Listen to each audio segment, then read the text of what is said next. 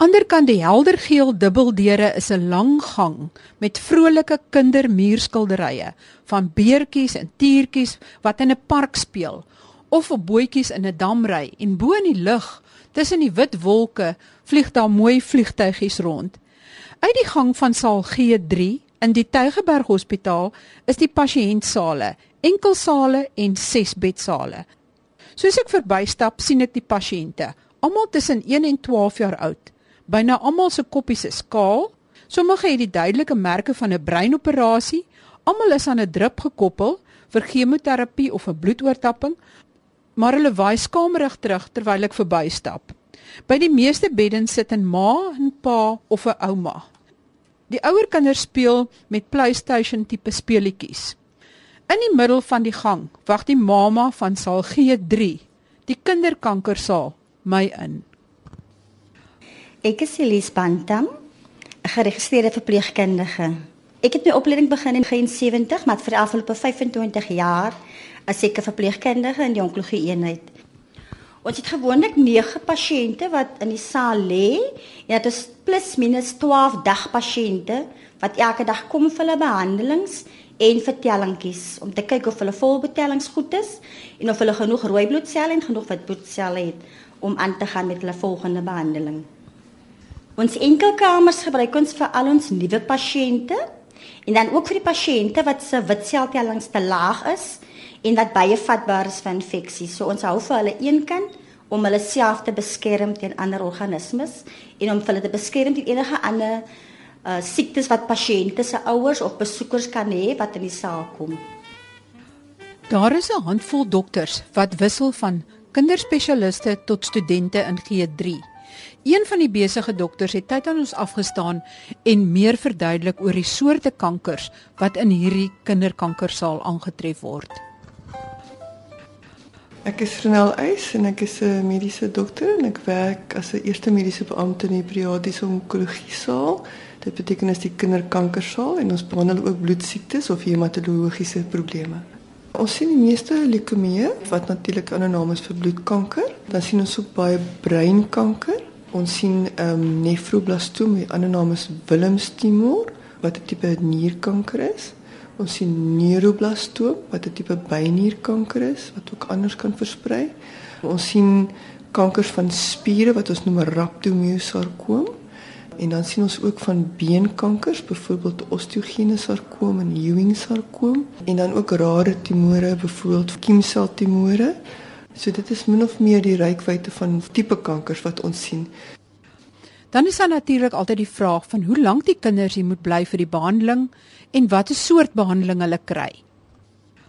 Dit hang af van hoe hulle verwys word en wat die diagnose is en hoe lank hulle in die saal bly. Maar gewoonlik ten minste week as dit moontlike maligniteit is of langer. Die meeste van die kinders benodig definitief chemoterapie en daar is wel sommige van die kinders wat chirurgie benodig. Byvoorbeeld soliede tumore soos nefroblastoom of neuroblastoom wat van die bynier is of ander soliede tumore. En dan is daar ook chirurgie betrokke by die inplasing van spesiale sentrale lyne wat ons noem 'n brouweek of 'n port, iets wat onder die vel begrawe word wat ook 'n lyn het wat na die hart toe lei, so waardeur mens kan bloed trek en mens kan ook binne aarse vog en chemoterapie of ander vloeistowwe toedien soos nodig mag wees. Hoewel baie van die kinders te skaam was om met my te gesels, het drie ouers hulle verhale met my gedeel. Uh, my naam is Amanda Willemse, ek is van Mamasbury. En sy is Michaela Willemse. My dogtertjie, sy is 6 jaar oud. Graad 1 leerling by Lewenweg in Mamasbury. Dat het my man vir die jaar begin met die feit dat sy beenpynne gehad het en swelling gehad het en baie gelimp hulle gevind dit is Ewing sarkoma. En die aandag wat hulle aan hulle kinders moet skenk, verg baie opoffering van die ouers. Soos die week is ons nou 3 dae in die hospitaal vir chemo, want sy kry chemobehandeling en nou die volgende week is sy weer nou weer 5 dae in die hospitaal. As die bloedtellings laag is, dan is hulle redelik lank in die hospitaal. Ek is 'n ma van 3. Die oudste enetjie is 10 jaar oud en die babatjie is 3 jaar oud. So die oudste een is in die skool en die babatjie is maar by die huis, maar um, en die babatjie is ook 'n diabetes. Dis 'n dubbele terugslag is. Ek het ver oggend gekom Tygerberg toe en die oudste enetjie het ek gestaan binne die hospitaal weer gesit. Sy het weer um die darmprobleem. Die kinders moet chemoterapie ontvang om die kankerselle dood te maak. Maar die uitwerking daarvan is nie altyd so lekker nie. Um met 'n baie slegte uitwerking op haar want um nou is sy fyn, maar tydens die chemo dan kan sy sy eet niks, sy braak net, sy is moeg, slaperig, maar na 24 uur na die chemo dan is sy mami Kayla. My naam is Sharon Spannenberg. Ons is van Bella en ek het een seun nog. Sy naam is Brent. Hy is Joshua en hy het ehm um, beta thalassemia. Hy was eintlik siek nie. In feite, ehm um, ek het hom net na die ehm um, dokter toe geneem vir 'n verkoue. Ons sy is dokter het opgetel dat hy's verskriklik bleek. En dit was 8 jaar gelede so. Hy kom elke 4 weke in.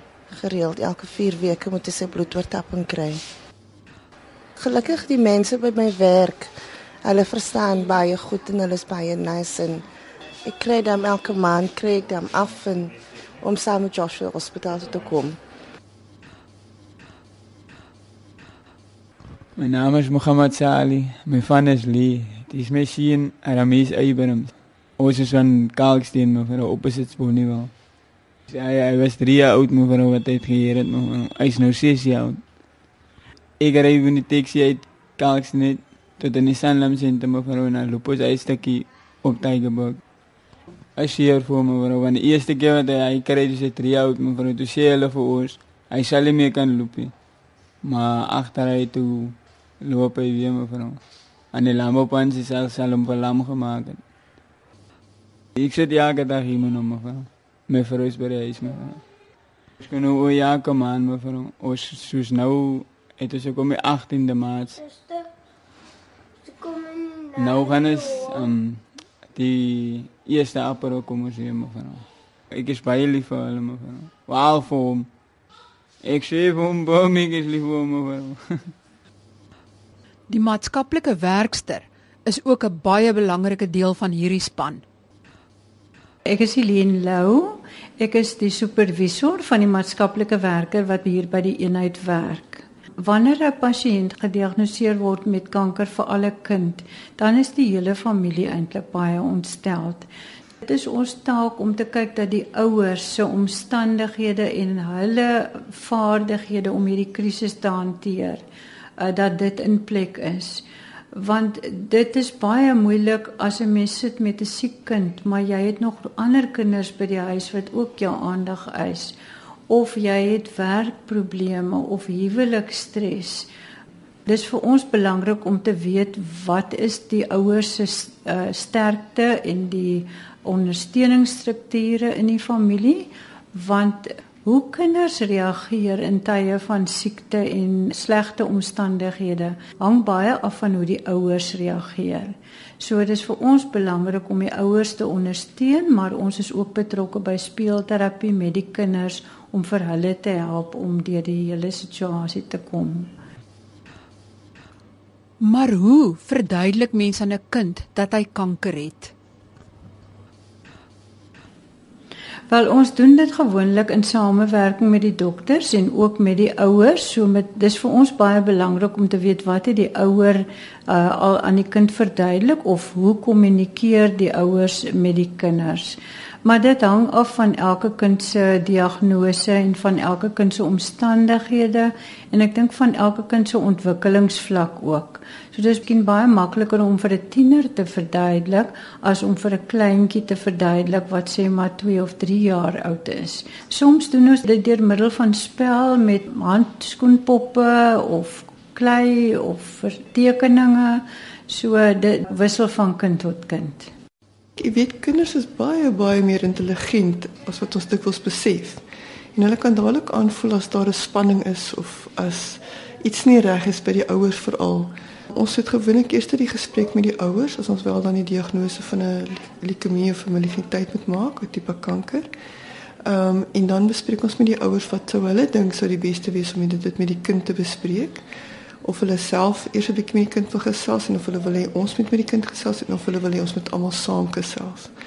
As ons dan wel met die kinders gesels, dan het ons gewoonlik 'n prentjie wat ons teken om te wys byvoorbeeld hoe lyk 'n beenmerg, hoe lyk die selletjies in die bloed en dat dan nou hierdie hierdie selletjies is wat nie daar moet wees nie, die slegte soldaatjies en dat ons nou die goeie soldaatjies wil wil sterker maak en met die chemoterapie um, om dan van ontslae te raak van die slegte selletjies. So ja, ons probeer dit op 'n kindervriendelike manier vir hulle oor te dra. Ons probeer ook om vir hulle voor te berei op die moontlike neeweffekte wat mag volg, byvoorbeeld die haartjies wat uitval, wat dikwels geweldig traumaties is vir die kinders, sowel as vir die ouers. Ek dink die ouers op 'n of ander manier lyk like dit dan nog bytelmal die eerste keer of hulle besef eintlik dat hulle kind kanker het. Die groter kinders, veral die tieners, um, hulle selfbeeld is baie belangrik. So sodra die hare uitval, kan dit hulle nogal baie hartseer maak. So ons probeer hulle voor te berei daarop en altyd die hoop te vestig dat dat ja, die hare gaan uitval, maar dat die hare weer gaan teruggroei as die chemoterapie klaar is. So dit maak dit vir hulle daarom iets van hulle kan uitsien en ook dan dat hulle eintlik sulke pragtige gesiggies het dat hulle kan mooi lyk sonder of met hare. En uh, ook dan dat mens mooi bandanas het en mooi hoedjies of pette of wat baie cool kan lyk veral vir die tieners. Maar die vertelstorie bly maar 'n moeilike taak. Baie keer sê ouers vir jou, moenie vir my kind sê dat hy of sy kanker het nie of dat hy of sy 'n ongeneeslike siekte het, want my kind sal dit nie kan hanteer nie. Maar ek dink kinders weet baie meer as wat ons dink hulle weet, omdat hulle ook ons nie-verbale gedrag, dinge wat ons nie sê nie, praat baie keer harder as die dinge wat ons wel sê. So kinders is geneig om die ouers fyn dop te hou. Baie keer het 'n mens agtergekom dat as ouers met die dokter gesels, hulle luister fyn of hulle sal maak of hulle slaap en dan luister hulle eintlik. Dan's daar baie dinge wat hulle nie verstaan nie, maar hulle lees die nie-verbale reaksie van die personeel en van die ouers. Hulle kom agter daar's iets groots fout met my. Ek het ook al gevind deur die jare dat ou, kinders geneig is om hulle ouers te probeer beskerm. As hulle sien mamma of pappa is baie ontstel omdat ek siek is, dan sal hulle um, maak asof hulle baie dapper is en asof hulle asof dit eintlik alles is alright. So um, 'n mens weet nie altyd wat binne in die kind se gedagtes aangaan nie. En dit kom baie keer eers uit in speelterapie. En hoe reageer 'n kind op hierdie nuus? Sommige kinders vrees die vreemde dinge wat hulle in hulle omgewing sien. Hulle vrees die feit dat hulle weg is van hulle familie en van hulle skool. Hulle is bang, hulle is Party kinders voel skuldig. Hulle dink, ehm, um, miskien het ek iets verkeerd gedoen. Mamma dalk net die vorige dag met my geraas omdat ek nie my trui wou aantrek toe dit koud was nie. Dis my skuld dat ek nou siek geword het. Elke kind reageer individueel op 'n siekte of op 'n krisis. Uh, soms kruip hulle in hulle dop en wil hulle met niemand praat nie en dit is waar ons dan tegnieke soos speelterapie gebruik om vir hulle te help om uiting te gee aan daai gevoelens.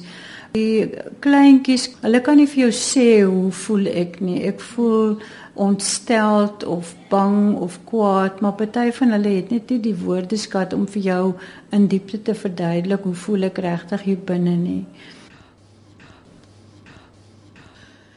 Maar of jy siek is of nie, die lewe gaan aan, selfs hier in G3. glo dit as jy wil. G3 is soos 'n volgende tuiste vir die pasiënte. Alles wat hulle gewoonlik by die huis doen, bring hulle saam. Hulle bring hulle videospeletjies saam en hulle lees. Dan is dit ook 'n skool as dit skooltyd is. As hulle nie kan afgaan skool toe nie, bring juffrou vir hulle skoolwerk. So en hulle leer ken mekaar en soos ek sê, Hulle lê gewoonlik of hulle bly gewoonlik in ons saal aktief. Elke 3 weke kom hulle en hulle ontmoet maatjies, so hulle sien ook uit daarna om te kyk vir wie gaan hulle weer vandag sien. En wat maak die kinders as hulle by die huis is en nie meer hier aan 'n chemoterapie drip gekoppel is nie? Is hulle in die bed of hardloop hulle rond? Om eerlik te wees, sy is 'n normale kind. Sy hou van speel, sy hou van skool gaan. Ehm um, die feit dat sy kanker het, maak nie vir 'n negatiewe kind nie. Sy bly positief. Ja, vir hom is hy pom vir hom. Hy sê alleen nog sy hy dis ek vir hom. Want hy ou al op 'n rond, hy kan doen, hy kan doen vir hom. Sy sê vir my sê dit ek is siekie. As ek ja, dis is siekie, ek verstaan dis so. En dan lyk dit of die kinders hulle ook nie te veel steur aan hulle kaalkoppies nie. Sy is net Michaela, sy lag en sy is baie positief. Sy sal net kyk. Sy sal net altyd vir die kinders sê, "So wat? Ek kan nie help nie." Sy dra geen bandanas nie, geen so netjies nie. Net sy loop met haar kop kaal koppie van sy sê sy lyk mooi aan my. Geen van die siektes het my omkant gevang nie want um, ek glo daarin. God sal niks op pad sit wat hy nie kan dra nie, want ek sien eintlik uit dat ek en my kinders al drie steeg kan uitkom op die ouende van die dag. Ons patent vertrou op die Here kinders as hulle siek voel, is hulle siek. En as hulle net 'n klein bietjie beter voel, dan speel hulle en hulle jaag en hardloop in die saal rond. So ek dink dit is wat dit so spesiaal maak en selfs al lyk dinge miskien nie die langtermyn so voorspoedig nie, probeer ons dit so uh, goed as moontlik vir hulle te maak en so hoopvol as moontlik te maak. En vir kinders wat dalk 'n ledemaat moet verloor weens beenkanker, word daar spesiale aandag aan gegee die maatskaplike werker help hulle om 'n briefie te skryf om die ledemaat te groet. Ja, en as hulle 'n paschirurgie, dan is hulle al omtrent die derde dag op hulle krikke op by die trappe waar ek dink ouer persone dalk miskien 'n bietjie langer sou neem. So hulle entoesiasme om weer deel te wees van die samelewing is is eintlik merkwaardig. En ek dink ja, kinders is baie baie aanpasbaar en hulle is eintlik baie baie baie dapper en braaf. Maar dinge loop nie altyd soos wat mens graag wil hê dit moet verloop nie. Natuurlik is ons hartseer as ons sien die kinders gaan dit maak nie. Jy probeer sterk wees, maar as dit nog nie goed gaan nie, daar is dae wat jy maar saam met mamma ook 'n treintjie stort En daar is daar wat jy en mamma saam lag al gaan dit hoe sleg. Omdat ons mekaar so goed leer ken en mekaar gereeld sien elke 2 weke, is dit hulle seer kry, is baie keer jou seer kry. Maar ek dink ons raak 'n bietjie sterk deur die jare se ondervinding. So som professor Mariana Kreer hoof van die departement pediatrie by die Universiteit van Stellenbosch en die Tygerberg Hospitaal en self 'n pediatriese onkoloog die vreugdes en hartseer van die behandeling van kinders met kanker op. Ek dink die interessante ding is dat 'n mens het baie kinders wat genees en oor my um, amper 30 jaar praktyk het ek tans heelwat kinders wat genees is en hulle hou gewoonlik met my kontak op Facebook. So dis hoe ons met mekaar gesels. Maar dis interessant die kinders wat eintlik dit nie gemaak het nie. Ek dink hulle word half deel van van jou lewe want 'n mens loop so 'n lang en moeilike pad saam met hulle as families en jy onthou ook die ouers en met baie van hulle is nog steeds ook vriende want dit is 'n moeilike fase wat 'n mens deurgegaan het en veral as jy dan die kind verloor uiteindelik aan die kanker wat dan soms gebeur dan bly dit altyd uh, baie diep in jou been sit. Uh, mense onthou hulle amper soms beter omdat jy so 'n moeilike pad met hulle gestap het. En dan besef mens ook dat om met hierdie kinders te werk is nie net 'n kwessie van gee nie, maar ook 'n groot deel van ontvang. Dit is vir my baie verrykend om hier te werk. Dit is nie anders as in ander sale nie. Dit is net jy sien jou pasiënt langer, En die blydskap elke keer wanneer jou pasiënt vir jou kom, hallo sê, dit is regtig vir my 'n riem onder my hart. Elke Woensdag is vir my vir wie gaan ek vandag sien? Ek voel behoorlik opgewonde want ons pasiënte se behandeling duur enige iets tussen 6 maande tot 9 maande en dan volgens hulle nog vir die volgende 2 jaar op. En die lekkerste van alles is vir die volgende 3 jaar sien julle elke 3 maande.